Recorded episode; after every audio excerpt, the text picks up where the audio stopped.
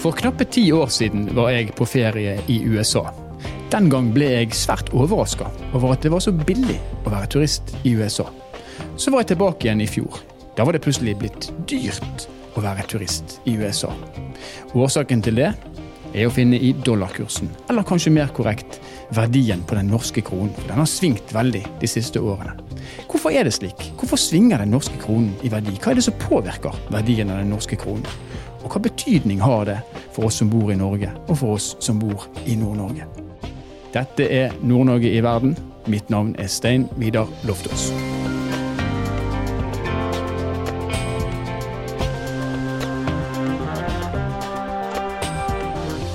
Det er altså slik at når kronekursen er lav, så tjener de som eksporterer mye penger. Men det blir dyrt for de som importerer varer til Norge. Men hva er det som gjør at kronekursen varierer? Vi har fått med oss Jan Hestad, som er senior valutamegler i Sparebanken Nord-Norge Markets, og han skal kaste lys over nettopp dette temaet. Jan, hva er årsaken? Det man eh, kort kan si som gjør at eh, valutakurser og kronekursen svinger fra tid til annen, det er makromessige forhold som endrer seg, politiske ting som skjer, og veldig mange ting som egentlig er uforutsette hendinger som gjør at valutaen, også norske kroner, plutselig svinger. Mm. Over tid så eh, ser vi at den kan svinge ganske mye. Nå har vi ei krone som er veldig svak, og eh, det har den vært nå relativt eh, lenge. Svakere enn det veldig mange så for seg for ei tid tilbake. Men la oss gå litt i detalj, for du sier makromessige forhold, og det blir jo veldig sånn på overskriftsmat. Helt konkret, hva er det som kan få kronen til å dippe noen prosent? Det som vi kan peke på innenlands som får kronekursen til å bevege seg, det er utviklinga i f.eks. inflasjon, som da i sin tur påvirker forventningen om hva Norges Bank vil gjøre med rentenivået i Norge. Vi har jo typisk sett i det siste at vi har en stigende inflasjon i Norge. Siste måling som kom for en par uker siden, viste en inflasjon på 2,6 Norges Bank sitt anslag lå på 2 og det medførte at krona styrka seg i den forventning om at markedet tror Norges Bank ville komme til å øke renta på rentemøtet som var for litt siden, som de gjorde. De økte da renta fra 0,75 til 1% og en sånn bevegelse fører helt normalt til en sterkere kronekurs. Men vi har jo hørt eh, over tid, og kanskje spesielt det siste året, ekspertene si at oljeprisen styrker seg, eh, rentebanen nå er begynt å øke. Da skal kronen styrke seg. Og så skjer ikke det. Hvorfor skjer det ikke? Nei, det er akkurat det som eh, mange sitter og rister litt på hodet over og eh, ikke skjønner helt hva som har skjedd i det siste. Norge og norsk økonomi er en veldig åpen økonomi, og eh, vi påvirkes av det som skjer ute i den store verden. Vi har typisk eh, handelskrig mellom Kina og USA, som skaper uro i det internasjonale finansmarkedet.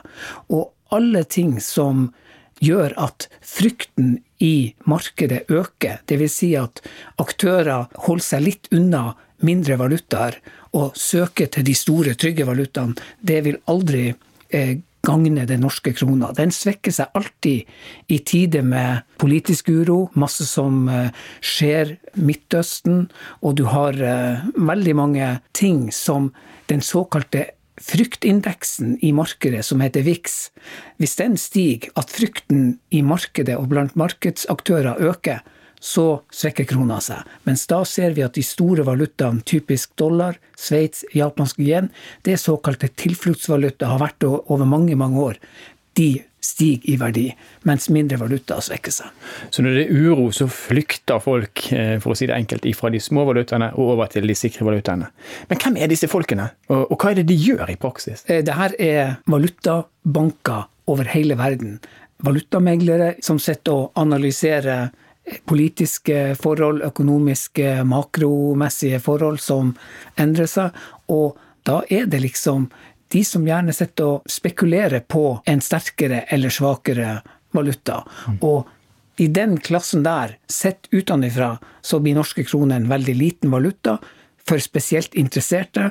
Og da ser vi at norske kroner blir veldig lite attraktiv å handle, selv om, som du har vært inne på, at de makromessige faktorene i norsk økonomi, med en stigende oljepris, stigende rente, helt klart skulle føre til en sterkere kronekurs. Men det har vi foreløpig ikke sett. Så når man er liten, så er man kanskje automatisk litt svak.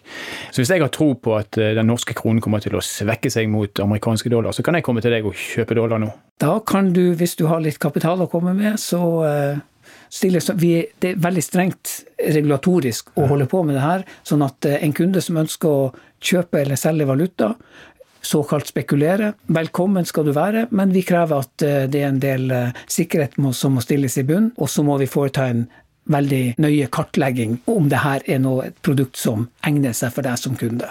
Ikke noe for meg, kan vi slå fast med en gang.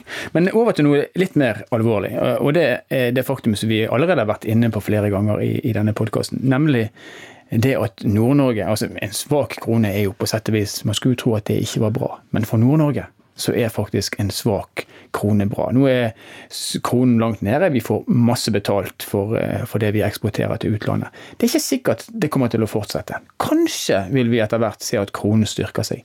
Bør nordnorske eksportbedrifter sikre seg for å kunne ta ut effekten av at kronen er så lav akkurat nå? Ja, vi er en eh, bank som absolutt eh, anbefaler eksportører å sikre det de gjør av fisk som de eventuelt da selger til utlandet. Det er veldig viktig å ha et bevisst forhold til den risikoen du tross alt sitter på, så lenge du ikke gjør noe valutasikring.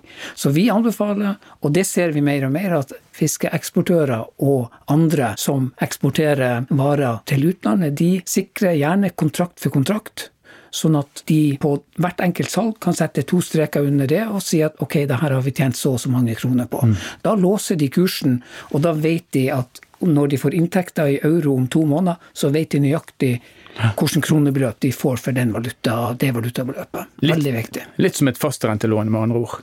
Egentlig ser jeg det. Og så kom du også inn på det om vi anbefaler de å sikre strategisk. Da går det mer på skal vi anbefale en eksportør å sikre masse fremtidige inntekter som enda ikke er gjort kontrakter på, la oss si et år frem i tid. Da er det alltid litt mer usikkerhet, for ingen vet hvor eurokursen er om tolv måneder fra i dag. Nei. Men uh, i og med at den norske renta er betydelig høyere enn både euro og svenske kroner f.eks., så får man et godt tillegg i kursen om man sikrer. Ligger euroen på 9,70 og du ønsker å sikre på tolv måneder i dag, så vil du da oppnå en kurs på ca. 9,85, altså et påslag på 15 mm, øre. Mm. Mens dessverre om du skal sikre inntekter i dollar, så er det motsatte effekten der, i og med at dollarrenta er satt opp mange ganger, og der får du et fradrag i kursen. Renten i USA er høyere enn renten vår. Ja. Hvis vi skal se på dette her fra et uh, hvermannsen-perspektiv, altså kronen er svak, hva betyr det for den jevne innbygger i, i vår landsdel? For den jevne nordlending så betyr det at, kan man grovt si, at uh, ferieturen er blitt dyrere. Mm. De fleste eh, drar jo ned i et euroland da, som medfører at man trenger å kjøpe euro og betale med euro. Det er blitt dyrere. Hvis man ser på vårt naboland Sverige, så har faktisk den valutaen svekka seg enda mer mot euro enn det norske kroner har gjort, så den er fortsatt gunstig kursmessig. Fra å ha vært på paritet, ei krone for ei svensk krone, så har vi nå kommet ned i 0,93. Så det betyr at i dag betaler du bare 93 kroner for 100 svenske kroner. Så ferie i Sverige det er billigere enn å dra andre steder i Europa? Ja, men mm. skal du dra der det er billigst, så er jo Tyrkia et land som eh, mm. er blitt svært billig etter kollapsen på den tyrkiske liren der. Ja, men det, det er andre konsekvenser også, det er ikke bare ferier? Nei da, det er ikke det. Og vi har jo eh, de positive effektene, bl.a. med turismen. Vi ser at gatene i Nord-Norge, kanskje spesielt her i Tromsø, som eh, flommer over av turister hele vinteren nå. Og det er jo også en effekt av at kronekursen er veldig svak. Turistene får mer igjen for pengene sine. Mm. Det blir ikke så ekstremt dyrt å feriere i Norge som det var for en del år tilbake. Og så har vi andre ting òg. Investere i Feriebolig i utlandet har jo vært veldig populært. Det er jo også blitt god del dyrere enn det var for en del år tilbake. Og import f.eks. av brukte biler fra Tyskland, det har jo dabba veldig av pga. at valutakursen gjør at det, det er ikke det gunstige kjøp å gjøre lenger som det var før. Akkurat. Hva med strøm? Ja, strømmen den er faktisk også påvirka av den svake krona. Nå er det sånn at handelen på den nordiske kraftbørsen Nordpol er notert i euro. Mm. Så det betyr at uh, på en svak krone og en høy eurokurs, så betyr det isolert sett at strømmen blir litt dyrere for den norske husholdninga.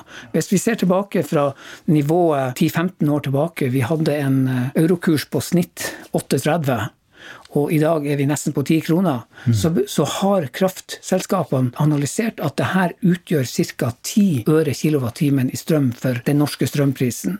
Og da for en gjennomsnittlig forbruk i et norsk hjem, så betyr det opp mot en par tusen kroner mer i strømutgifter per år på et forbruk på rundt 20 000 kilowattimer. Så det, alt påvirker. Valutakursen den eh, virker inn på hverdagen til de fleste av oss. Mer enn vi er klar over. Mm. Helt til slutt, Jan. Eh, nå sa jeg eh, tidligere i denne podkasten at ekspertene de har lenge sagt at kronen kommer til å styrke seg, og så har han ikke gjort det. Nå er du en ringrev i, i det her gamet. Hva er dine spådommer om kronens utvikling i et kort perspektiv? Et kort perspektiv på krona, så vil jeg tro at vi må forvente at eh, den norske krona vil holde seg svak. Et langt liv i valuta har lært meg å spå valutakursen frem i tid. Det er mange som gjør det, og det er svært få som treffer på det. Og eh, vi ser at flere og flere kommer til erkjennelsen av at kanskje den norske krona har funnet et mer normalt leie på et svakere nivå enn det vi er vant til fra før. Så at krona i 2019 Eh, mest sannsynlig vil holde seg på et nivå mellom la oss si 9,40 og 10 kroner, det er ikke usannsynlig. Svak krone er den nye normalen. Siste ordet der fra Jan Hestad, som er senior valutamegler i Sparebanken Nord-Norge Markets.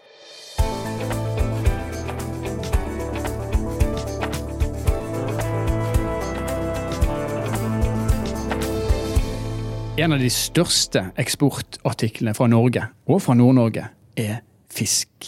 Både oppdrettsfisk og villfanga fisk. Og det er slik at når kronekursen er lav, så tjener Norge mye mer penger på å eksportere fisk enn hva man gjør når kronekursen er høy. Og Nå skal vi få høre litt om hvordan valutaen bl.a. påvirker eksporten fra Nord-Norge. I 2018 så eksporterte Norge sjømat for 99,1 milliarder kroner. EU var det viktigste markedet, og de sto for 67% av eksportverdien. Eksporten har økt fra 53,8 milliarder i 2010 til 99,1 kroner i 2018. Altså det er en økning på 84% Om vi får en volumvekst på 2 hvert år fram til 2030, og prisen holder seg stabil, så når vi 126 milliarder i eksportverdi i 2030. Om vi da i tillegg får en prisvekst på 2% så når vi 160 milliarder kroner. Og om valutaen svekker seg ytterligere, så får vi enda bedre betalt for fisken vår. Så hvis kronen synker, så er det faktisk slik at vi tjener mer penger. Her hørte du Ingrid Kristine Pettersen, som er sjømatanalytiker i Sjømatrådet. Og Ingrid Kristine, jeg har lyst å spørre deg om, egentlig om flere ting. Eh, Norge eksporterer fisk og sjømat, sa du, for nesten 100 milliarder kroner per år. Mye av det kommer fra, eh, fra Nord-Norge. Hva er det slags faktorer som påvirker disse tallene? Eksporten, eller Eksportverdien er jo avhengig av både kvantum og, og, pris. Og kvantumet er jo mer eller mindre gitt både gjennom produksjonsbegrensninger og kvotereguleringer, altså for villfangst. Når det gjelder pris, så er det også en, eh, på en måte en funksjon av tilbud og etterspørsel. Så tilbudet globalt, eh, tilbudsendringer globalt vil påvirke prisen på norsk sjømat. Og eh, etterspørselsutvikling Altså alle mm. faktorer som kan påvirke etterspørselen. Inntektsendringer, preferanse for sjømat osv. Og, så og selvfølgelig valuta er en viktig faktor. Hvis vi snur oss og ser tilbake, nå er vi i 2019, eh, og i dag er kronen lav, det skal vi snakke mer om senere. Men hvis du snur deg og ser tilbake, la oss si at vi går tilbake åtte-ti år. Hva er det som har påvirka eksporten av fisk fra Norge og Nord-Norge i den perioden? Ja, det har vært god utvikling i viktige marked. Tilbudet har svingt litt, men eh, f.eks. på hvitfisk så ser vi at det har falt siden toppen av 2013. Så da har god, eh, god etterspørsel og god utvikling i markedet vært en viktig faktor for at vi mm. ser en prisvekst. Du sier falt, så er det volumene som har falt? Ja, det er volumene som har falt, mens prisen har økt. Så derfor har vi hatt en, en, verdivekst. Er det andre faktorer eh, som bestemmer hvor fisken selges hen, og eh, hva som påvirker prisene? Markedsadgang er jo veldig viktig. Mm. Det har vi har både tjent på å få tilgang til marked, og vi har tapt på å mangle adgang til marked. F.eks. etter den eh, etter å bli utestengt fra Russland i, i 2015, eller i slutten av 2014, så har vi beregna at det har kosta oss 20 milliarder kroner kun for laks. Hva med valuta, da? Valuta er jo òg en viktig faktor. Vi har målt at svekkelsen av den norske krona fra 2014 til 2015 utgjorde hele 6,22 kroner for norsk laksepris. Oi. Så endringa i prisen fra 2014 2014 til 2015 den var negativ, altså en 9% nedgang eller 4,13 kroner. Så uten svekkelsen av krona så ville vi fått en enda større prisfall for norsk laks. Ja. Så årsaken til det, det er jo at det var en relativt svak etterspørselsutvikling mens tilbudet økte da, sammenligna med, ja. med, året før. Og i tillegg så påvirker jo eh, krona varestrømmene til en viss grad. Eh, vi ser det kanskje spesielt på laks. F.eks. nå når krona er så mye svakere mot dollar enn mot f.eks. euro, så ser vi at det er en økning i eksporten av laks mot eh, USA. Ja og Asia på bekostning av euromarkedene. Akkurat. Ja. Og vi har også eksempler på at lokale valutasituasjoner spiller en rolle. Hva tenker du på med lokale valutasituasjoner? Ja, F.eks. i Nigeria, så, som er et viktig marked for norsk tørrfisk, så så vi at eh, fisk ble satt på ei liste over produkter som ikke kvalifiserte til å, eh, til å få hard valuta til offisiell pris i, i juni 2015 var, var, manglende tilgang på valuta. Og Det førte til at valutaen måtte kjøpes på svartebørsen til en mye høyere pris. Og det førte til at volumet falt betydelig mm. på tørrfisken fra, fra, Norge. Hvis jeg ber deg å se litt inn i fremtiden, og jeg skal ikke be deg å spå om eh, valutakursen, men, men hva kan konsekvensen være dersom kronen nærmer seg et det som ekspertene kanskje kaller et normalnivå, at han styrker seg. Hva vil konsekvensene være? Vi antar jo det at eh, tilbudet eh, er mer eller mindre gitt. altså Det er ikke pris, prisavhengig. Vi fisker det som er mulig å fiske, og vi produserer det som er mulig av laks. Så mm. alt av en en sånn type effekt vil slå rett over på pris. Altså vi får en 25% valutaøkning vil bety en 25% reduksjon i pris. Rett og slett. Ja, på kort sikt. Men så kan jo det at hvis valutaen fører til en veldig lav pris, så kan det jo hende at det kan tenke oss at eh, at det produseres mindre enn det som er mulig. Som en konsekvens av ja. at inntjeningen blir dårligere? Ja, så da vil valutaen bety mindre igjen. Ja. Mm. Tusen takk til eh, Ingrid Kristine Pettersen. Da har vi lært om eh, den norske kronen. Vi har lært om hvordan eh, svingninger i valuta påvirker oss. Kanskje i større grad enn eh, det vi har vært klar over tidligere. Du har hørt på Nord-Norge i verden. Mitt navn er Stein Vidar Loftaas. Musikken du har hørt er laget av Emil Karlsen, og denne podkasten er produsert av Sparebanken Nord-Norge i samarbeid med Helt Digital. Vi høres i neste episode.